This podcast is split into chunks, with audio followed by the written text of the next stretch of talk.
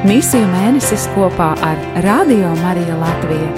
Piedāvājam dienas pārdomas no Tautu evanģelizācijas kongregācijas pontificālās misiju biedrības sagatavotās grāmatas Kristīti un Sūtīti - Kristus baznīcas misija pasaulē.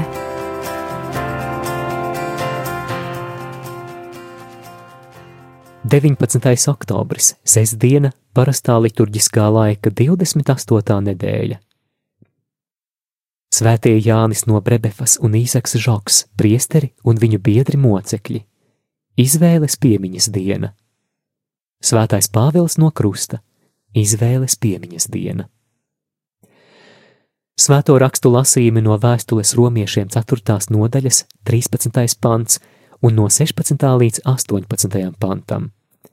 105. psalms un Lūkas evanģēlija 12. nodaļas fragments no 8. līdz 12. pantam.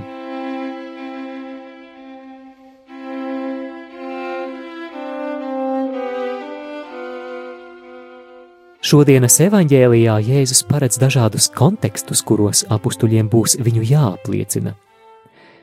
Ieskaitot iespēju, ka viņi sastapsies ar naidīgām reakcijām.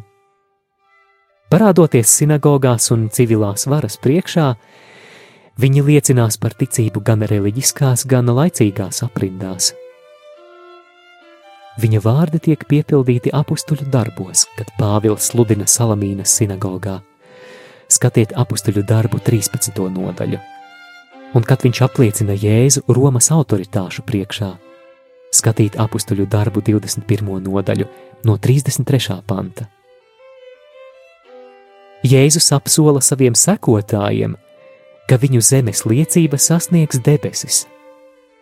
Tāpat kā viņi atpazīst cilvēka dēlu zemes apstākļos, civilos vai reliģiskos, tā cilvēka dēls tos atpazīs dieva eņģeļu priekšā.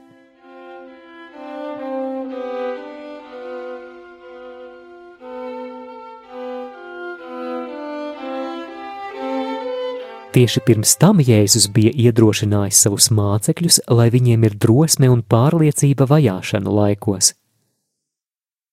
Kā secināms no pārējā misionārā diskursa, viņš viņiem nesola mieru vai imunitāti pret vardarbību un noraidīšanu, bet viņš norāda uz brīvības patieso sakni. Uzvaru pār bailēm, kuras avots ir rodams Jēzus uzvarā pār nāvi. Šīs uzvaras pieredze Jēzum un viņa mācekļiem būs lieldienas.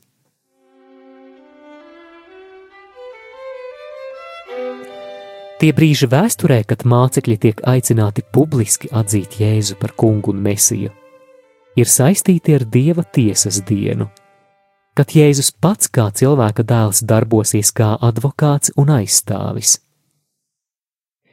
Līdzība ar tiesas procesu Jesajas grāmatas 50. nodaļa no 8. līdz 9. pantam, vēstule romiešiem 8.33. Vēsta par augšām cēlušo skungu, kurš mīt kopā ar dievu, bet kurš caur savu garu efektīvā veidā ir klātesošs savā baznīcā un publiskajā sadursmē ar valdniekiem un varenajiem no šīs pasaules, ar kuru mācekļi turpina saskarties.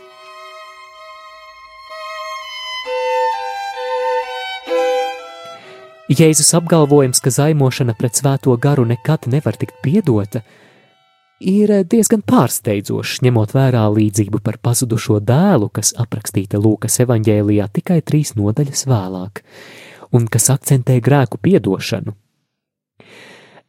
Bet šī mācība būtu jāinterpretē īpašās Lūkas izpratnes par kristīgo misiju kontekstā.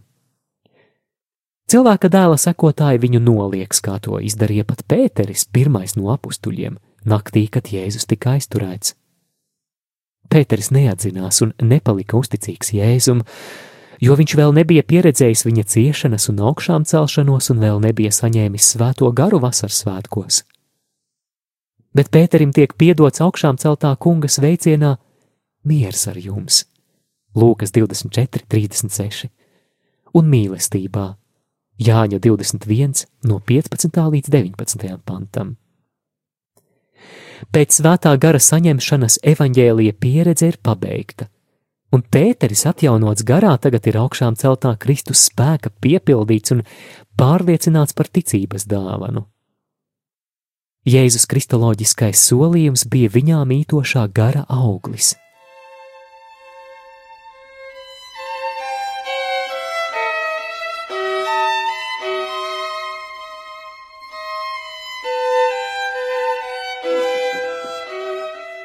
Protams, Lūka labi pārzina pirmās apstuļu darbu baznīcas pieredzi, apstuļu drosmīgās liecības, kā arī kristiešu kopienu apņemšanos, kas pakļauta atkrišanai no ticības vai ticības trūkuma riskam, saskaroties ar draudiem un represijām no ārpuses. Pēc tam viņš atgādina Jēzus teikto, aicinot kristiešus pārdomāt un stiprinot viņus, Ikvienam, kas kādu vārdu sacīs pret cilvēka dēlu, tiks piedots, bet kas zaimos svēto garu, tam netiks piedots. Tam, kurš savas zemes dzīves kalpošanas laikā ir noliedzis cilvēka dēlu, tam tiks piedots, un pateicoties gara dāvanai vasaras svētkos, tam būs jauna iespēja. Tas saņems iespēju atgriezties un saņemt piedošanu. Tā tas bija Pāvila un daudzu jūdu konvertītu gadījumā. Bet kā var piedot kādam, kurš noraida garu, kas ir pašas piedošanas, grēku nožēlas un mācekļu atjaunošanas avots un līdzeklis? Lūka to redz nocietināšanās un akluma pieredzē tiem, kuri ir atmetuši apstuļu liecības. Salīdziniet apstuļu darbu 28. nodaļas, 25. līdz 28. pantu. Tā ir pilnīga, brīva un apzināta aizvēršanās gara darbībai un gara samierināšanas un piedošanas kustībai. Līdz ar to neviens nevar tikt piespiests izglābties pret viņa paša gribu un rīcību. Dieva gara uzņemšana vai atraidīšana ir mūsu sirdsapziņas un mūsu brīvības noslēpumainās attiecības ar Dievu. Tikai Dievs pilnībā lasa mūsu sirdis. Tikai Dievs, kurš pazīst mūsu sirdis, dāvā grēku piedošanu un pestīšanu.